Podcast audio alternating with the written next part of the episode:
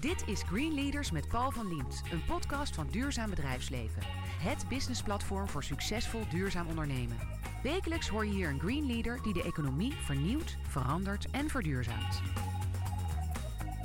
Sylvia de Vaan richtte samen met Niels van der Hoek Sweep Smart op. De start-up zet Europese technieken in om de afvalverwerking en afvalscheiding in India en Indonesië naar een hoger plan te brengen. Hun ambitie? De afvaldienstverlener in ontwikkelingslanden worden. Welkom Sylvia. Dankjewel. Even jou neerzetten. Vorig jaar was je een van de vertegenwoordigers van Nederland op de Social Capital Markets Conferentie in San Francisco. Uh, en daarmee worden jij als ondernemer, Sweep Smart als onderneming, worden genoemd als een van de partijen die in Nederland Nederland op de kaart zet als echte impactleider. Waarom is Sweep Smart zo belangrijk? Ja, was een hele eer overigens. Ik was uh, onder de indruk van het andere lijstje, uh, of van het lijstje van uh, partijen die erbij waren. Wie stonden daarop dan? Wat uh, Future Proof Shipping, die waterstofschepen aan het ontwikkelen zijn. Ja. Coolfinity, heel gaaf. Een, een koelkast die op heel weinig stroom kan draaien in landen als, of continenten als Afrika bijvoorbeeld. Um, Social Network, ja, daar waren, het, ik was echt enorm onder de indruk. Closing the Loop was erbij. Maar was je zo onder de indruk dat je dacht, wat, doen, wat doen wij daarbij? Nou, Hoe kan dit? Bijna wel, maar het zit ja. misschien ook in mijn aard, weet je. Ik was de enige vrouw daarbij, overigens trouwens. Zit in je aard? Nou, nee, nee, is niet dat is niet waar. Nee, sorry, daar is later nog iemand ingevlogen. In eerste instantie was ik de enige. Oh, gelukkig. Maar, maar, dan, uh, wel, maar toch weinig vrouwen en ook nog bescheiden.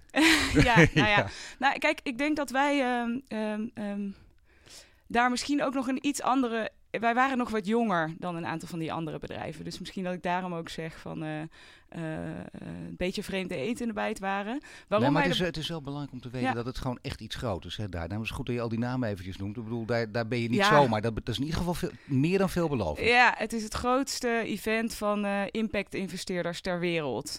dus er komen daar geloof ik 3000 man naartoe. Dus alle grote lopen daar rond. Ja, dus het was, was echt wat. En, en wat heb je, wat heb je daar meegemaakt? Wat gebeurde daar? Um, nou, wat heel gaaf was, omdat we echt met een hele Nederlandse delegatie waren. Dat hadden ze ook heel goed aangepakt. Was een soort uh, buzz gecreëerd. We hadden allemaal oranje dingen aan, dus iedereen dacht, wie zijn die mensen? Het gaat ook heel erg om... Uh, het is ook wel een, een sociaal festival met allemaal feestjes in de avond. Of festival-event, zeg maar. Waarin de dealschijnen daar op de dansvloer gemaakt te worden, om het zo maar te zeggen. Ook veel drank en pillen, of viel dat dan Nee, mee? dat, nee, nou, nee, drank... Hè, er werd wel een biertje gedronken, maar... Ik wou zeggen ja. dat, ja. Nee, maar dus... Uh, um, ja, dat was wel indrukwekkend om te zien wie daar allemaal waren. Uh, ook heel goed om je verhaal te kunnen, te kunnen testen en te kijken wat voor ja. type investeerders je wil zoeken. En daarin zijn wij dus ook, wij waren op dat moment wat meer in, op zoek naar eventueel een angel, uh, maar ook wel naar mogelijke grantfunding. Uh, omdat wij als bedrijf gewoon ook nog um, ja, eigenlijk type projecten opzet wat eerst uh, wat we eerst moeten laten zien. En dan pas we weten of het geld gaat verdienen. Maar laten we even voor de duidelijkheid. Een angel, ja. dan zou het bijvoorbeeld uh, één persoon zijn die heel veel geld heeft. Die zegt, ik vind het een fantastisch idee. Ik ga jullie de komende drie jaar steunen. Ja, bijvoorbeeld. Maar dat andere, grantfunding, wat is dat precies? Ja, dat is um, bijvoorbeeld uh, overheden of NGO's of fondsen... die geld steken in bepaalde projecten om... Uh, ja, een voorbeeld te stellen. Om te laten zien, uh, zo, zo kan het. En uh, grantfunding is natuurlijk ook wat er in alle... heel veel van die gezondheids- en onderwijsprogramma's en dergelijke gaat. Hè. Meer traditionele geld ja. hebben wij in eerste instantie eigenlijk niet aan willen komen. Omdat we zoiets hadden van, we zijn een bedrijf. Ja. maar wij zien gewoon dat omdat die verandering die wij teweeg willen brengen... nog wat stapjes nodig heeft. Ja. dat dat ja, misschien wel nodig is. Maar dan is het wel belangrijk om nu te weten, dit moment... we zijn nu een paar minuten aan het praten... wat je precies doet. Ja, wat het, ik heb het al een beetje in de aankondiging gezegd... maar wat is het precies wat je ja. doet? Nou, wij uh, zetten afvalinfrastructuur op in ontwikkelingslanden en ontwikkelende landen. Uh, we zijn nu actief in India en Indonesië. Uh, wij, zetten, wij zorgen dat het afval wordt opgehaald in, in drie stromen, dus wel gescheiden.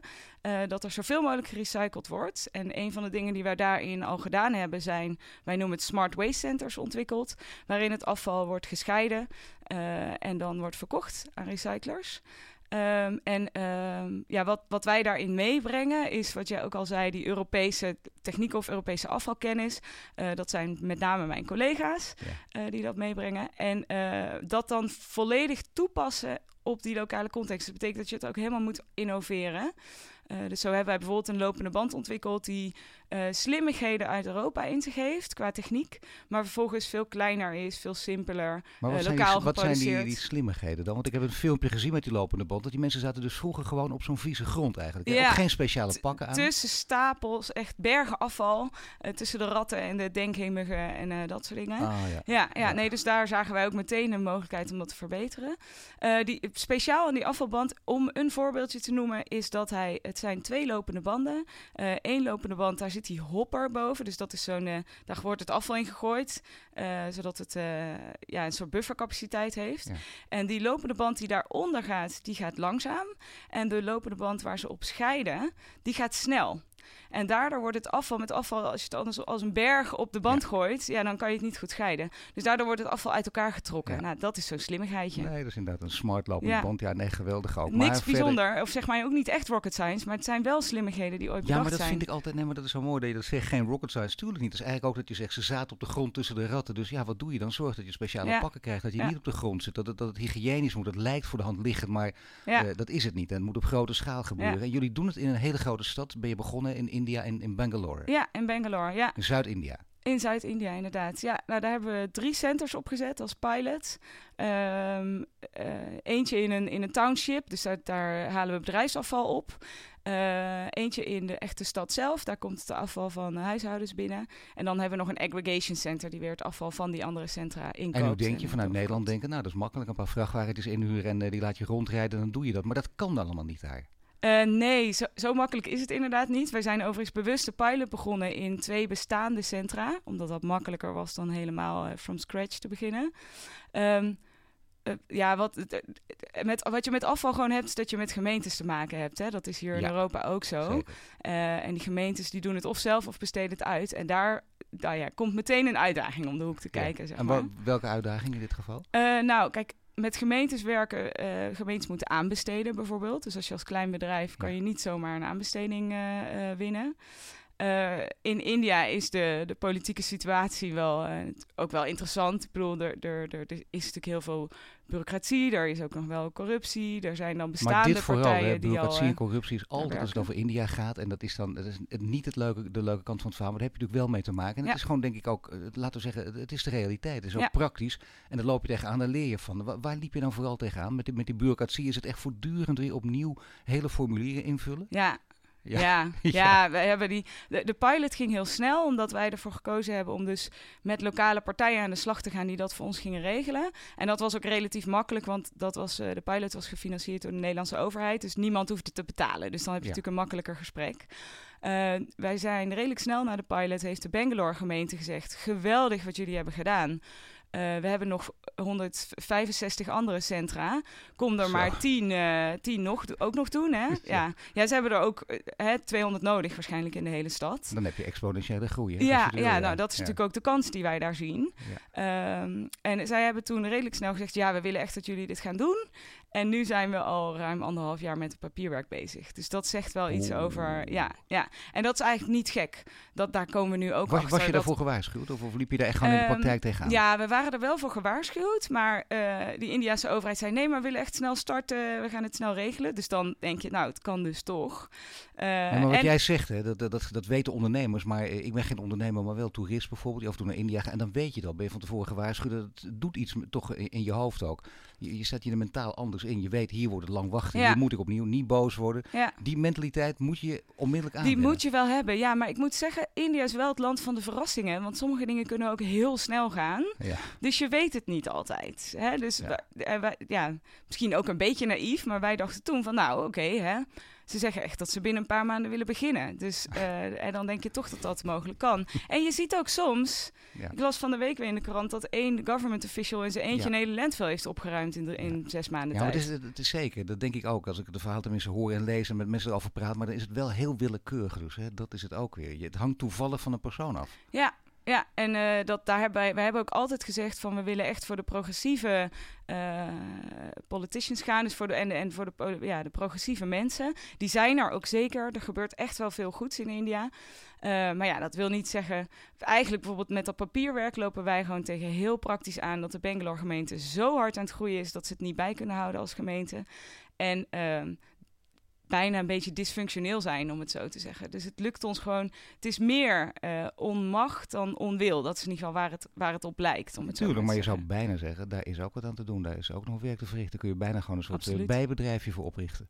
Sorry, wat voor Een soort bijbedrijfje, om een ja. soort scholing te geven. Ja, ja, nou dat is ook iets wat we in gedachten hebben om dat te gaan doen. Ja, om een trainingsprogramma op te gaan zetten. Maar dan wordt het ja. wel ingewikkeld, hè? want dan heb je toch met, letterlijk met de lokale waarden en normen te maken en hoe mensen het doen. En je wil niet dat jij ze precies vertelt hoe het allemaal moet. Ja. Uh, hoe gaat het eigenlijk vooral als het gaat over uh, afspraken maken bijvoorbeeld? Want dan wil jij dat je op tijd komt en dan zeg je dat doen wij zo in het Westen, is efficiënt, maar dat werkt natuurlijk niet. Nee, uh, wij proberen eigenlijk een soort hybride omgangsvorm daarin te vinden. dus dat klinkt mooi, een hybride omgangsvorm. Ja, ja, maar ja, ik denk wel dat dat de manier is waarop je daarnaar moet kijken. Want je Ja. moet loslaten hoe wij hier werken, maar ook weer niet. Dus wij maken wel echt altijd een projectplanning, wat die Indiërs niet doen, hè? Gewoon Ja. niet plannen. Eh, dus dat doen we wel. En dan bouwen we allerlei buffers in. En dat stemmen we dan met hun af. En dan weten we natuurlijk dat daar waar we zeggen dat het een maand duurt, dat het twee maanden gaat duren. Maar om dat toch met elkaar af te spreken en die volgordelijkheid af te spreken en ze ook daarmee een beetje achter hun broek aan te kunnen zitten, dat, dat helpt wel. En dat is ook gewoon nodig. Maar dus heel diplomatiek. Dat is, dat is dan wel echt gewenst. Ik bedoel, niet zeggen, want je zegt achter de broek aan zitten, maar niet echt met de zweep. Van, en, jullie heten Sweet Nee. Smart, maar Nee, maar je werkt Nee. ook samen. Ik vind het is ook een relatie waarin je... En vaak is er een goede reden waarom dingen later zijn. Dus ik heb ook in Afrika gewerkt, daar was het hetzelfde. Er was de cash op, of er was file, of er was geen elektriciteit. Het is niet eh, altijd onwil, zeg maar. Nee, maar het is mooi dat je dit zegt, omdat het valt mij zo op. Dat, dan denk ik, nou, dat zullen de meeste mensen wel snappen. En je pas je dus ook een beetje aan. Dat is logisch, maar dat is, daar gaat het vaak op mis. Ja. hè? Ja. Weet je, ik heb geen zin om met die lui te werken. Terwijl als je dat eenmaal dan voor elkaar krijgt, het geduld kunt opbrengen, dan kun je Ja. stappen zetten. Ja, en ik vond het leuk. Ik was toevallig eh, twee weken geleden bij BNR met een vrouw die heel veel op cultuur, eh, Indiaanse werk met Indiërs doet. En zij zit heel erg op de executiekant. Dus veel mensen die in India doen. En ik zei echt, nou, eh, kom maar op met je executie. Daar hebben wij niet zoveel problemen mee. Eh, wat voor ons het lastigste is, is de saleskant. En dat is natuurlijk een heel cultuurgevoelig proces.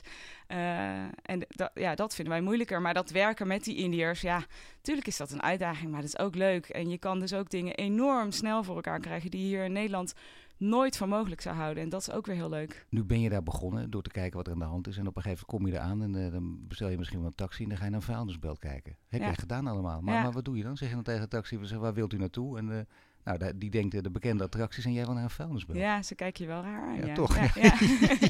ik wist naar welke, welke kruispunt ik toe moest. En eh, nee, ja, ze kijken je heel raar aan. Ze denken echt, wat, wat, is die, wat gaat die nou doen? En dan ook nog die berg oplopen, dan word je natuurlijk ook raar aangekeken. We werden op een gegeven moment ook weggestuurd, omdat het toch niet helemaal de bedoeling was, blijkbaar. Maar, eh, Maar wat is er aan de hand? Wat, wat is, het is ook op zichzelf. Is het ook heel gek? Ik kan me dat voorstellen als ik daar taxichauffeur ben. Hè? Wat, wat, wat gaat ze dat doen? Leg je dat uit of niet? Nou, ik, ik- het is lastig communiceren met de echte locals. Ik spreek de taal helaas niet. Er wordt heel veel Engels gesproken in India, dus Ja, je komt eh, eh, daar heel ver mee. Maar, dus ik heb het niet aan die, aan die bewuste persoon eh, uitgelegd. Nee, maar Nou hebben we nog één puntje niet behandeld. Hè, wat over India gaat en wat wel belangrijk is. Namelijk het minder leuke onderdeeltje, de corruptie. Daar Ja. loop je ook tegenaan. Hoe ben jij er tegenaan Ja. gelopen? Wat heb je ermee te maken gehad? Nou, ehm, ehm, hè, je, weet, je weet niet altijd of en wanneer je er letterlijk tegenaan loopt. Dus we hebben nog niet gehad dat iemand er letterlijk... Nou, we hebben ook wel eens gehad dat iemand er letterlijk om vroeg, ja. Of we via een soort constructie wat kunnen regelen. En eh, dat hebben we toen ook overigens niet gedaan. Maar Ehm, wat betekent dat via een constructie? Dat je gewoon geld moet betalen? ja, dat, dat iemand anders ergens, dat noemen ze dan een kickback fee. Dus dat iemand anders op de een of andere manier een hogere rekening stuurt. En dat dat bedrag dan via de achterdeur weer wordt teruggestort naar die persoon. Ja, Dus, je eh, zou toch ja. kunnen zeggen, ik weet dat dit bijna gewetensvraag wordt, maar je zou toch kunnen denken, nou ja, laat ik het af en toe maar doen, want dat gebeurt nu eenmaal in deze cultuur en dan, dan komt er wat versnelling in. Ja, ja, nou ja, wij eh, hè, willen er zo ver mogelijk van wegblijven. Er zijn overigens ook eh, ehm, ja, internationaal allerlei regels en ideeën over. Dus het maakt ook heel veel uit in corruptie of jij ehm, het doet om een competitief voorbeeld, voordeel te behalen. Dus bijvoorbeeld om een tender te winnen. Ja. Of dat het op een gegeven moment gebeurt om iets van papierwerk waar je eigenlijk recht op hebt er doorheen te krijgen. Maar ja, in principe eh, ja, willen wij daarvan afblijven. Ja. Ja. Je hoort Sylvia de Vaans, dat is heel eerlijk, hè, van Sweep Smart. Zometeen praten we verder over samenwerking in India, over opschaling, over ondernemerschap en over de vrouw achter Sweep Smart.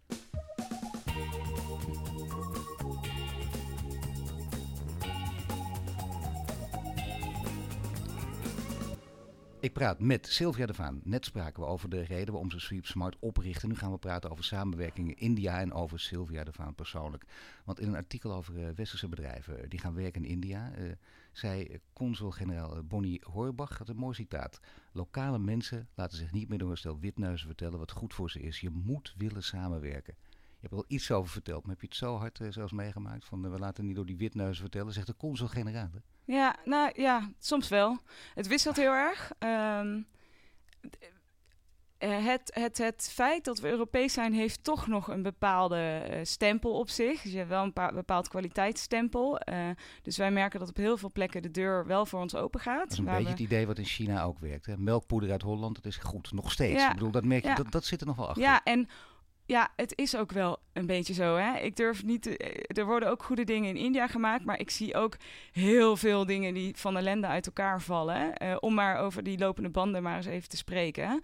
Uh, dus, dus het is ook wel een beetje waar. Um, nou praten we in Amsterdam, waar het met de kaders en de brug ook niet zo goed gaat. Hè? De stad staat op instorten, lees je overal. Maar goed, dat is inderdaad ja. van een hele andere orde. Ja. Dat gebeurt ook, zie je in India. Dus die voorsprong heb je dan. Ja, nee, dus die hebben we zeker. Maar je merkt toch wel dat in de stappen daarna dat het, dat het lastiger wordt. Dus we zijn altijd geïnteresseerd om te luisteren.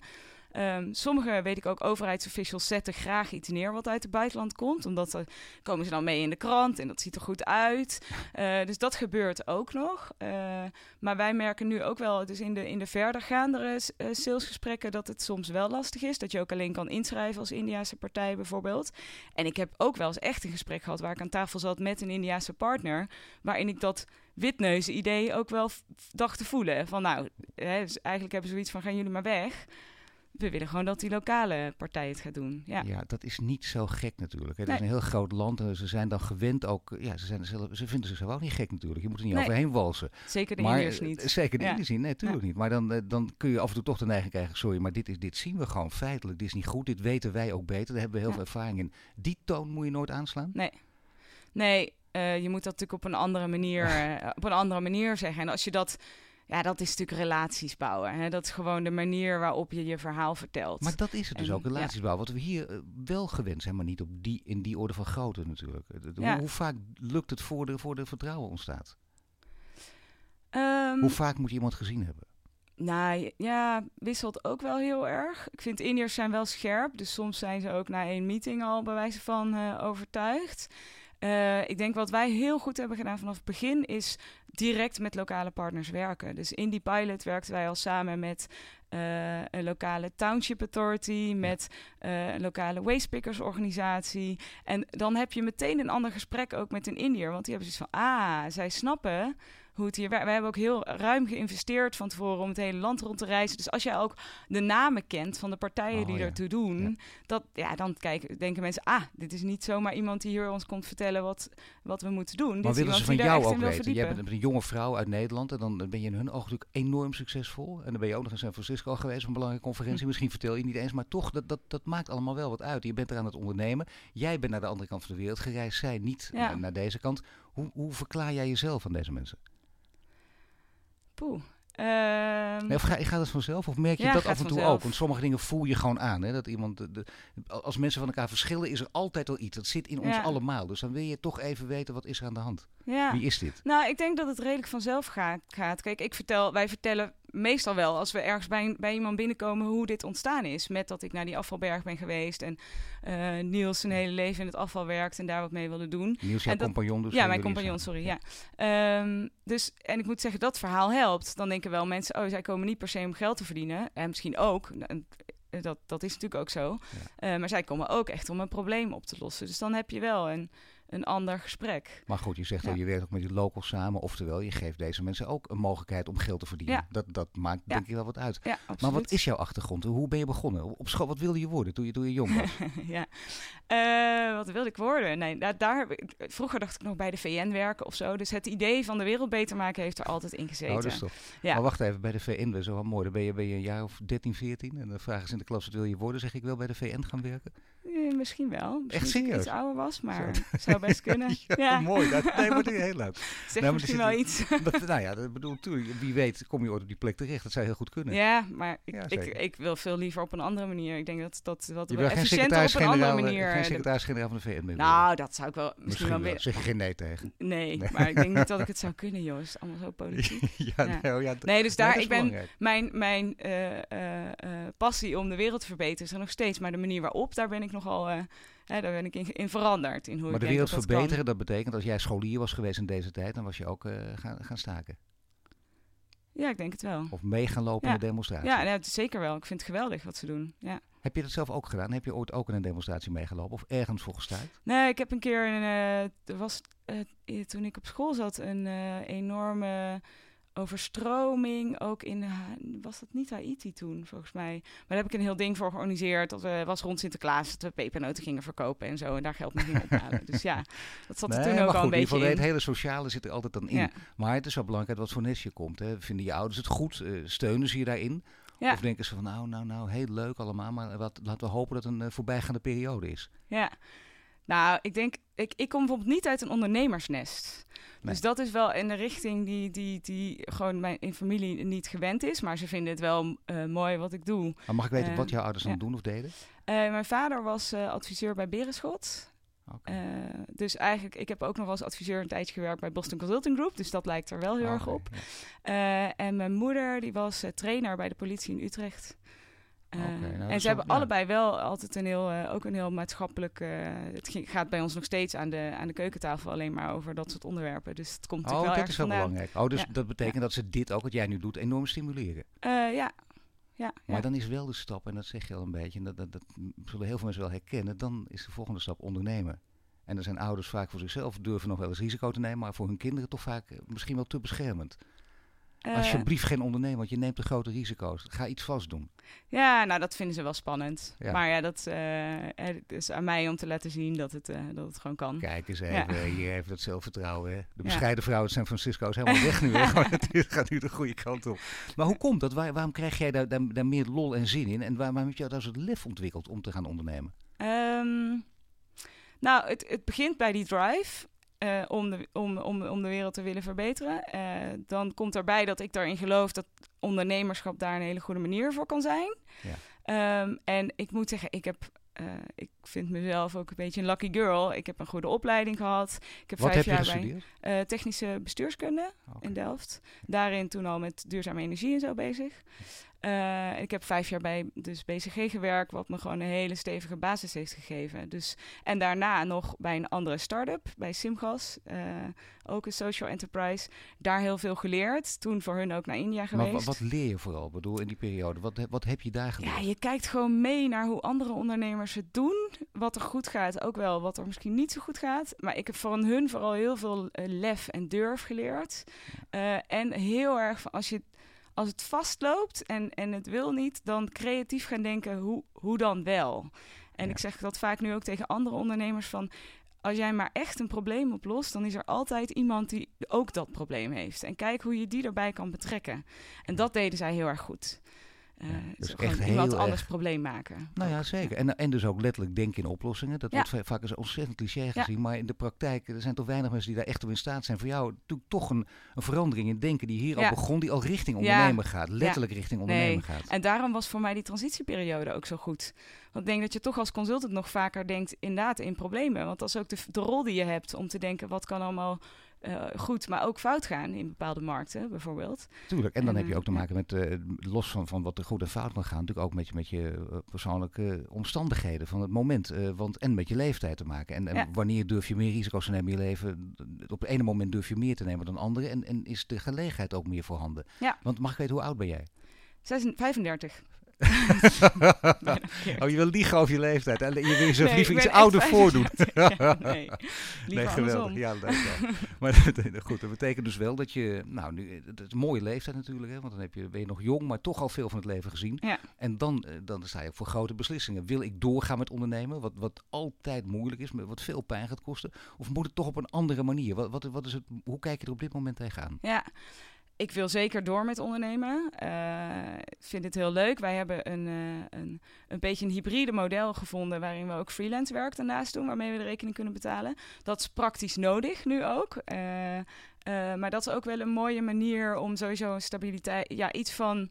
Hè, je weet dat er een fallback option is. Dus dat is, eh, ja, dat, ik moet zeggen, dat helpt wel heel erg als een basis. Ook nadat ik bij Simgas, die andere start-up, eh, eh, om allerlei omstandigheden op een gegeven moment weg moest. Toen moest ik van de een op het andere moment wat vinden. En toen lukte het me om binnen een maand of zo freelance werk te zoeken. Dus dat moet ik zeggen, dat helpt mij enorm als basis. Ik denk, het komt wel goed. Ja, het is heel gek. Hè? Dat wordt vaak bij ondernemers, uh, dan, dan krijg je altijd Steve Jobs modellen. Je moet er volledig voor gaan, volledig focussen. En je moet totaal kapot durven gaan. Terwijl heel veel ondernemers doen wat jij doet. En die bereiken ook toppen. Ja. En dat geeft ook een zekere rust, dat je zelf al zegt ook. En bovendien kijk je naar de lange termijn. Zit, zit het in jou om uiteindelijk toch juist wel zo'n totaal roekeloos ondernemer te worden? Nee, totaal roekeloos niet. maar ik denk ook dat dat niet, misschien niet de beste manier is om je onderneming uh, te laten groeien. Nou ja, nee, maar het, het, gaat natuurlijk wel, de momenten dat er beslissingen genomen moeten worden, dan moet je echt uh, dingen laten vallen. Dan moet je echt er volledig voor gaan. Mensen die echt iets groots willen bereiken, dat kan niet anders. Er zijn talloze voorbeelden van. Ja. heb jij een relatie? Ben je getrouwd? Heb je kinderen? Ja, ik heb een relatie. Ik ben niet getrouwd. Ik heb uh, geen kinderen. Mag je van jou, jouw man of jouw vriend? Vindt hij het goed? Ja, hij is zelf ook ondernemer. Maar ja, ja. joh, die heeft al dat gereis van mij ook uh, oké gevonden. Dus, ja, maar dat, nou ja, dat, daar gaat het dus om. Hè, want dat hoort er ook allemaal bij. Mag ik wel? Dus geen discussie. Hij snapt zelf dus ook wat het is om risico's te nemen. Daar is echt geen seconde discussie over. Wat leer je van hem eigenlijk? Zelf, want wat, wat doet hij dan als Doorzettingsvermogen. Ja, hij heeft echt... Uh, dus hij is er wel helemaal vol voor gegaan. En, een elektrische scooter van Biobased Material ontwikkeld. Heel gaaf, die doet het heel goed. En hij is daar al denk al een jaar of zeven bijna mee bezig. En hoe... Moet hem eigenlijk ook hier in deze serie halen. Ja, het, het, zou een heel goed idee zijn. Ja, ja, ja, Nou, dat doe je heel slim. Ja, dat is goed zo. hij luistert mee natuurlijk. Ja. Mag ik hopen. Maar ja, dat betekent dus wel dat je dat, je dat doorzettingsvermogen, dat betekent ook echt tegen, je loopt tegen dingen aan die niet goed gaan. En opeens denk je, je hebt enorm veel enthousiasme, maar dat, dat wordt dan gestopt en gekild bijna. Waar ben je tegen aangelopen? Dat je dacht, misschien wel dacht, ik moet ermee ophouden. Eh, het lukt gewoon niet meer. Ja, nou, waar wij heel erg tegen aanliepen was dat wij... Uh, wij zeiden, ons, ons product is uiteindelijk voor gemeentes hè, in India of uh, Indonesië, dat soort landen. En wij vinden, omdat we een bedrijf zijn, dat we dan gewoon, dat is onze klant. Dus dan moeten we kijken of die het willen kopen. Nou, en daar hebben dus, dachten we heel snel een, een, een project verkocht te hebben. En dat duurt uiteindelijk lang. Uh, en ik denk dat wij ons daar te lang op stuk gebeten hebben. Omdat het, dat is nog even te veel stappen ver weg. Alleen, al, al is het maar omdat je als klein bedrijfje een tenders kan winnen. Um, en wij uh, hebben daarin nu een half jaar geleden de keuze gemaakt om ons meer op grote bedrijven te gaan richten. Die vaak ook een fabriek met een hele stad eromheen uh, managen. Uh, en ook op de partijen die dus zich druk maken om de plastic soep. Daar komt een beetje dat grant geld waar ik het ook ja. over had vandaan. Um, en, maar goed, dat duurt ook even voordat, het, voordat zich dat uitbetaalt. Dus ja, als er dan in de tussentijd uh, nog geen deals worden gesloten, ja. dan, dan wordt het wel taai, ja. ja. Je hoort Sylvia de Vaan en zometeen praten ze over de vraag of de werkwijze van Sweep Smart overal kan worden toegepast.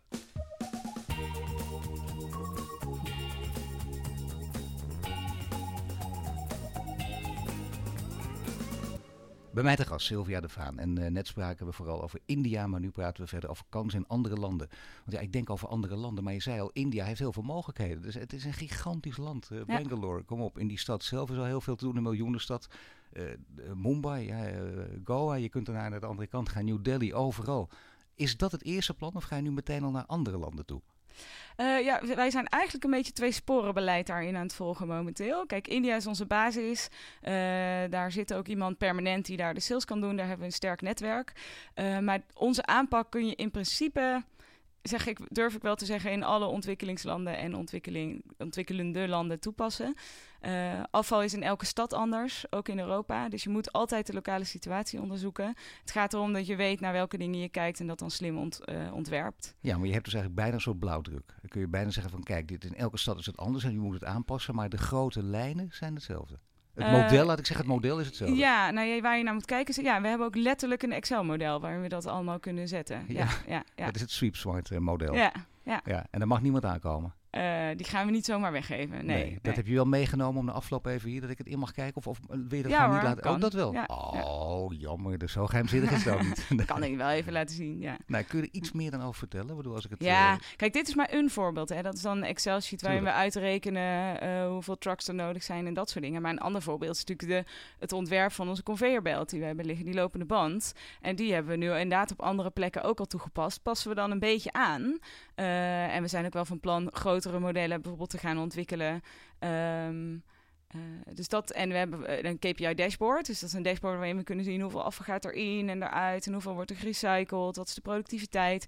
Ja, dat kunnen we ook gebruiken. Moet altijd een beetje aangepast worden. Maar uh, ja, dat zijn allemaal dingen. En we hebben nu een operational maintenance manual. Zijn allemaal dingen die, die op andere plekken ook toegepast kunnen worden. Andere plekken in alle landen. Maar uh, je zou kunnen kiezen voor twee dingen. Eén, ik ga eerst dat enorme grote land India verkennen. Ja. Daar neem ik vijf jaar de tijd voor. Bijvoorbeeld, stel dat je financieel gegund is en dat het goed gaat. En daarna ga ik naar andere landen. Ja. Maar jullie gaan nu al naar andere landen. Je gaat dan naar Indonesië, nu al. waarom kies je daarvoor? Nou, Indonesië was ook een beetje toeval, omdat we daar naartoe gevraagd werden. Er was een partij die bij een site in, uh, in India was langs geweest en ons daarvoor inhuurde om datzelfde in Indonesië te doen. En in Indonesië gebeurt momenteel heel veel, omdat daar gewoon heel veel afval in, in de rivieren worden gegooid. Dus nummer twee uh, plastic soep veroorzaker in de wereld qua land naar China. Uh, en dus als ik het ook heb over die mensen die zich druk maken over de plastic soep, momenteel ook de Unilevers, Nestlé, dat soort partijen, uh, die zijn eigenlijk heel erg naar Indonesië aan het kijken. Dus ze zijn aan het kijken hoe wij uh, ja, de, men wil daar van alles. Er is heel veel geld aangekondigd. Maar hoe dan? En dat zijn, ja, wij zijn degene die het leuk vinden om on the ground het, het echt te realiseren. En zo zie je dat er ook alweer naar andere landen wordt gekeken. Dus als er bedrijven in, uh, in Brazilië iets aan het doen zijn, kunnen we daar ook. Uh, de, de, veel partijen doen ook wat, maar dan zitten vaak die wastepickers nog tussen, tussen die bergen afval. Uh, ja. ja. Ja, die moeten eruit. Het moet gewoon echt uh, op een goede manier gebeuren. Ja. Maar dat betekent dus dat grote, uh, want je zegt dat de grote bedrijven vinden dit interessant. En grote bedrijven hebben toch de neiging om te denken naar misschien een project van jou, leuk knuffelproject en zo, dat gaan we erbij pakken, leuke showcase voor ons. Hoe moet je daar tegen te weerstellen? Ja, wij noemen het ook absoluut geen knuffelproject. Nee. Dus uh, daar, ja, dat, houden wij zelf als bedrijf ook niet Dodelijk van. ook, hè? Als dat, gewoon, dat is, dat is een hele erge naam. Nou ja, kijk, luister, ik vind het niet erg als het voor hun ook een knuffelproject is. Nee. Maar voor ons moet het iets zijn wat echt verschil uitmaakt. Um, en, en dat doen wij ook. Uh, je ziet dat best wel veel van die grote bedrijven een beetje knuffelprojecten hebben opgezet tot nu toe. Uh, om maar uh, waste banks te noemen, waar, bedrijf, of waar mensen dan hun afval naar terug kunnen brengen. maar die beginnen zich wel te realiseren dat, dat dat niet het volledige probleem gaat oplossen. Natuurlijk. Nee, maar het is niet ook een schaamlap ook. Hè? Het is ook een schaam. Je kan bijna zeggen, kijk eens eventjes wat wij doen. Dan kun je naar de buitenwereld tonen, schoolbedrijf. Maar echte intentie om het echt te veranderen zit er niet achter. Nou, maar dit begint wel echt te komen. Zij zien gewoon dat het probleem te groot is en dat ze daar echt wat aan moeten gaan doen. En dat ze er zelf en, wat aan hebben natuurlijk. Ja, en, en, en vaak denk ik dat ze ook echt wel willen, maar zij het ook moeilijk vinden om met overheden in dit soort landen te werken. Ja. Uh, maar dus al die grote partijen zijn ook bezig met EPR, Extended Producers Responsibility heet dat. Uh, betekent dat dus een deel van de opbrengsten, hè, dat mensen gaan, meer gaan betalen voor plastic verpakte uh, producten en dat dat in een pot gaat, zoals we hier in Europa ook hebben. Maar ja, je ziet waar je dan tegenaan loopt. Hè. Dat geldt met al dit soort zaken. Alles wat ook met klimaat te maken heeft, uh, ja, dan beginnen de mensen te stijgen. En dan gaan bepaalde media ook uh, echt, echt activistisch optreden en zeggen, kijk eens even, het gaat ons geld kosten. De, dan gaat het altijd over wie moet betalen, de bedrijven of de burger. Ja. Moet je, wat, wat vind je? Moet je tegen mensen gewoon zeggen, ja, het is zo, je betaalt op termijn even meer, maar op, op lange termijn win je eraan. Ja. Zou je die boodschap moeten uitdragen? Ja, vind ik wel. En het is toch, uiteindelijk moet je als consument betalen. En ik vind dat we daar een rekening moeten houden welke lasten meer kunnen dragen. Dan, of sorry, welke schouders meer lasten kunnen dragen dan anderen.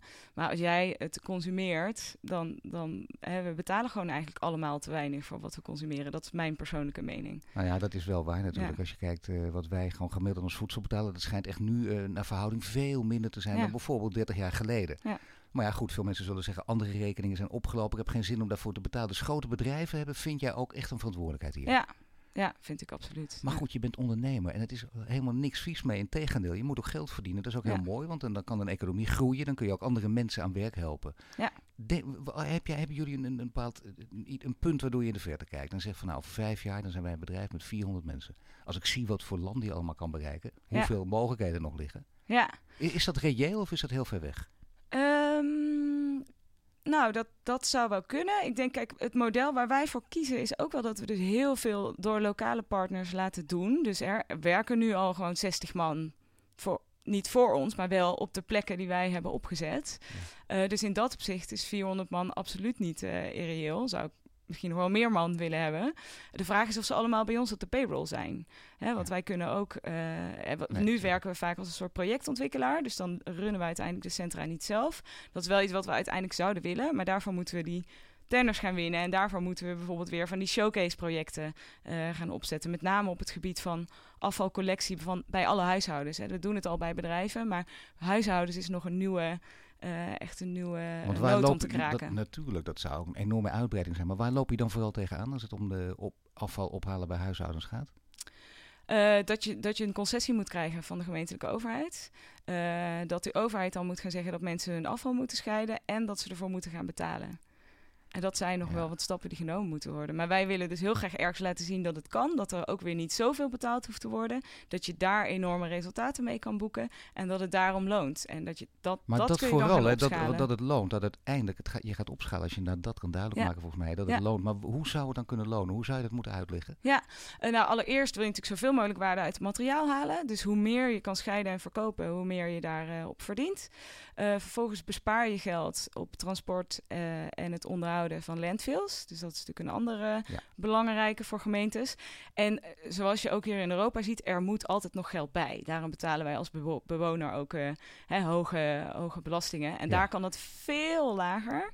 Ja. Eh, maar er moet wat bij, want de gemiddelde zak afval heeft niet genoeg waarde. Nee, de zogenaamde gemeentebelasting. Ja. Waar iedereen altijd zuchtend en kreunend zijn Ja, maar handtekening ja, daarom is het wel lekker schoon hier. Maar dat, dat is het juist. Nee, precies. En als het uiteindelijk schoon is, dat heeft. Maar je, je moet het, dat mensen die daar nooit over nagedacht hebben, moet je dan ook uitleggen en vertellen. Zonder dat je boven ze gaat staan, want dat willen ze ook niet. Dan ben je weer de bleke witneus. Hè, dan, de, Ja. Wat de consul-generaal zei. Hoe doe je dat dan? Hoe maak je mensen duidelijk, wat, wat heb je eraan? Het is wel leuk dat het schoon is, maar wat heb je er vervolgens aan? Nou, dat besef is er wel hoor, dat het anders moet. Dus die discussie hoeven wij gelukkig al niet meer te hebben. Er wordt ook vrij veel over gemopperd af en toe. ja, er zijn enorm. soms van die initiatieven. Ja, ja, ja. dus je ziet in India heel veel bottom-up initiatieven. Het is echt geweldig om te zien hoe bewoners... Ja. Ik heb één vrouw die, er, die haar eigen, eigen eh, buurt bijna met de stok slaat... als ze het niet eh, netjes hun afval eh, gescheiden op straat zetten. Ehm, en anderzijds zie je van de bovenkant ook heel veel komen. Dus eh, Prime Minister Modi heeft een Clean India campaign aangekondigd. Is met, of eh, sorry, die loopt al jaren. Ja. Is met, een, eh, met allemaal smart cities bezig. Dus eigenlijk hoe ik het zie is, men wil van alles. Er gebeurt van alles. Maar er is nog geen oplossing. Nee. Gewoon praktisch gezien. De, de, de, de technische oplossingen die er op afvalgebied liggen, die komen hier vandaan. En die kun je niet één op één daar kopiëren. Nee, en de grote en kleine bedrijven hebben uiteindelijk, en je weet nooit hoe lang dat zal duren, dat is het spannende van ondernemen, hebben er uiteindelijk allebei ook baat bij, gaan er allebei ook winst mee maken natuurlijk. Want het levert je, lijkt mij ook weer, eh, behoorlijk het geld op als dit eenmaal echt een wereldwijd systeem is. Ja, ja alleen wat, wat nog het lastige is, is dat de landfill is natuurlijk goedkoop.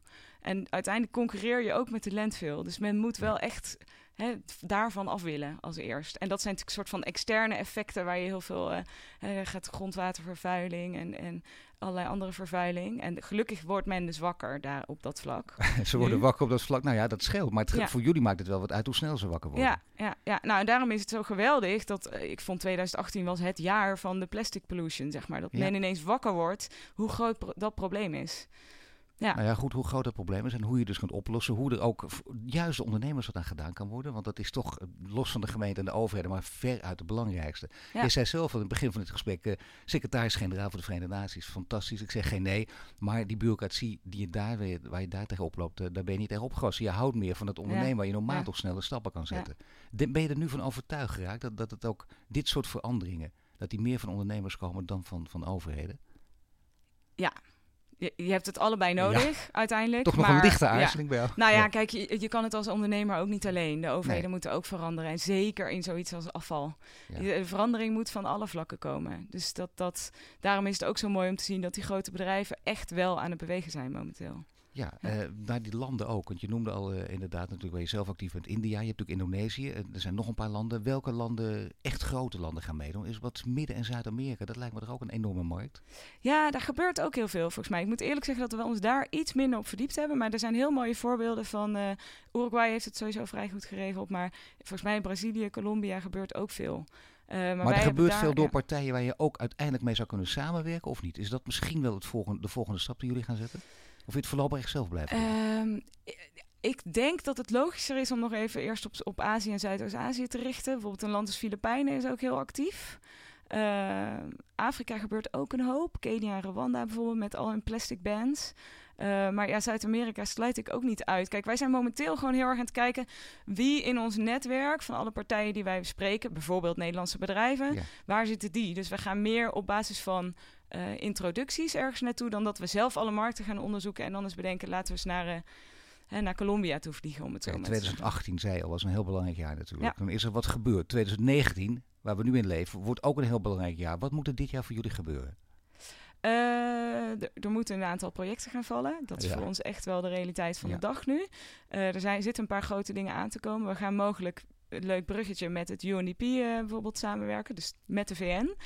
Ja. Um, en ja, het, het, idee van dit jaar voor ons is ook wel om op die wagen te springen van die dus aan het bewegen is richting dat plastic soep verhaal. En hoe lang is uiteindelijk jullie adem? Want als dit allemaal gaat lukken en die samenwerking met de VN is natuurlijk heel groot en belangrijk denk ik. Maar als dit gaat lukken, hoe lang kun je nog doorgaan?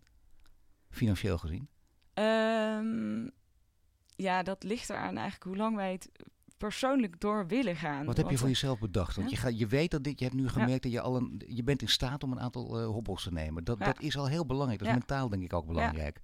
Ja. wij hebben voor onszelf gezegd dat in het eerste kwartaal dat er iets moet gaan vallen. ook gewoon voor het vertrouwen in dat hier een, een, een businessmodel in zit. En het, dat, er, er, liggen nu wel een aantal dingen klaar. De, de, de deal met de gemeente Bangalore is ook nog steeds in de maak. Uh, dus ja, ik denk dat het ook gewoon belangrijk is dat, er, dat daar dan een stijgende lijn in gaat zitten. Het zou kunnen als wij, ik ben altijd een beetje ongeduldig, maar laten we zeggen over vijf jaar, als wij over vijf jaar eh, weer zo'n hele grote serie hier gaan maken voor duurzaam bedrijfsleven, dan ben jij een van de grote spelers. Ja, het zou geweldig zijn. ja, toch ja. ja, die bescheidenheid die gaat er echt af. Ik weet het zeker. ik dank je wel, Sylvia. Je luisterde naar de Green Leaders podcast van Duurzaam Bedrijfsleven met Sylvia de Vaan van Sweep Smart. En volgende week zijn we terug met een nieuwe Green Leader. Dit was de Green Leaders podcast voor deze week. Volg onze website voor meer nieuws over succesvol duurzaam ondernemen. Wil je meer afleveringen luisteren? Abonneer je dan nu via iTunes of Spotify en krijg een melding wanneer er een nieuwe podcast online staat.